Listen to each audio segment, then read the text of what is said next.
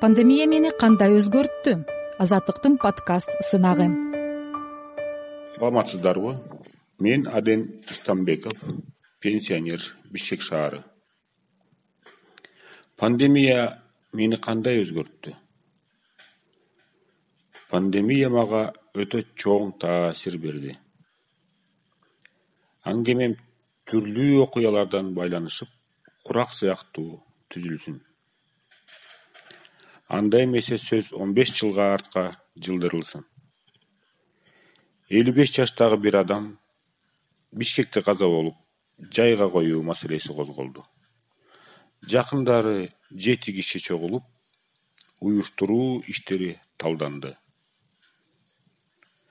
Негизги чечүүчү адам жалгыз агасы болгондуктан ал киши чоо жайын төмөндөгүдөй айтты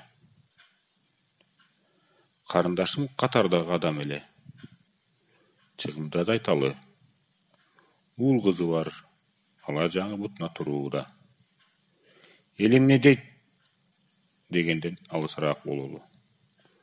Журтчулукка жагыш кыйын. Кабарды көп таркатпай эле чындап күйгөн жакын адамдары болсун. Болгону элүү жетимиш адам катышат бодону союштун кажети жок жана дагы көпчылыктан баш тарталы деди. Бирок ал айткандай болбоду. Чыгымдар болду ырым жырымдар аткарылды. Эми бүгүнкү күндөргө кайтып келели.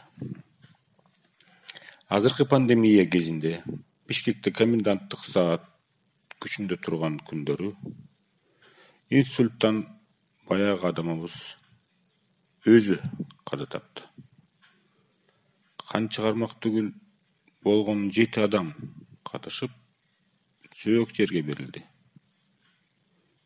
Мезгил барган сайын өз сабагын түсүн түрүн эсебин көз алдыга акылга сезимдерге тартууда. Өйдө ылдый оң сол ойго алчап көрсөм тиги көзү өтүп кеткен адамдын көз карашы кайра кайра өзүнө кайрылтып атат. Анткени кыргыз журтунда эл эмне дейт? деген кыял өтө терең сиңген. Эмне үчүн биз кыялга эмес? Келечекке сүрөгөн кесипкөйлүктү эсепкөйлүктү эмгекчилдикти анча эске албайбыз. Курнамуз чыгымдар чүпүрөк чапырак кийиттер эски үрп адаттар калыпташкан ой жүгүртүүлөр. Дагы деле өлүк селдейген капитал катары алдыга баскан кадамды оорлоштуруп жатат.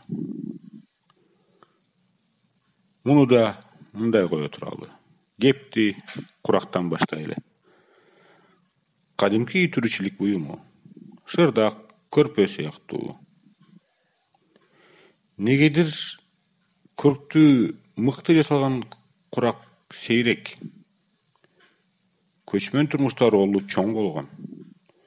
Салыштырмалуу азыркы биз курган курак көңүл сергитүүчүдөй эмес. Пандемияны ысык суука катары элестетсек. Азыркы курак көп чабалдыкты көрсөттү сонун курак канча адамдын аракети? Бул жакта билгичтик эсеп чыгармачылык жана башка инсандык сапат талап кылынат эмеспи. Ушуну менен менин курак сыяктуу куралган аңгемем бүттү. Биздин курак оң жолдобу?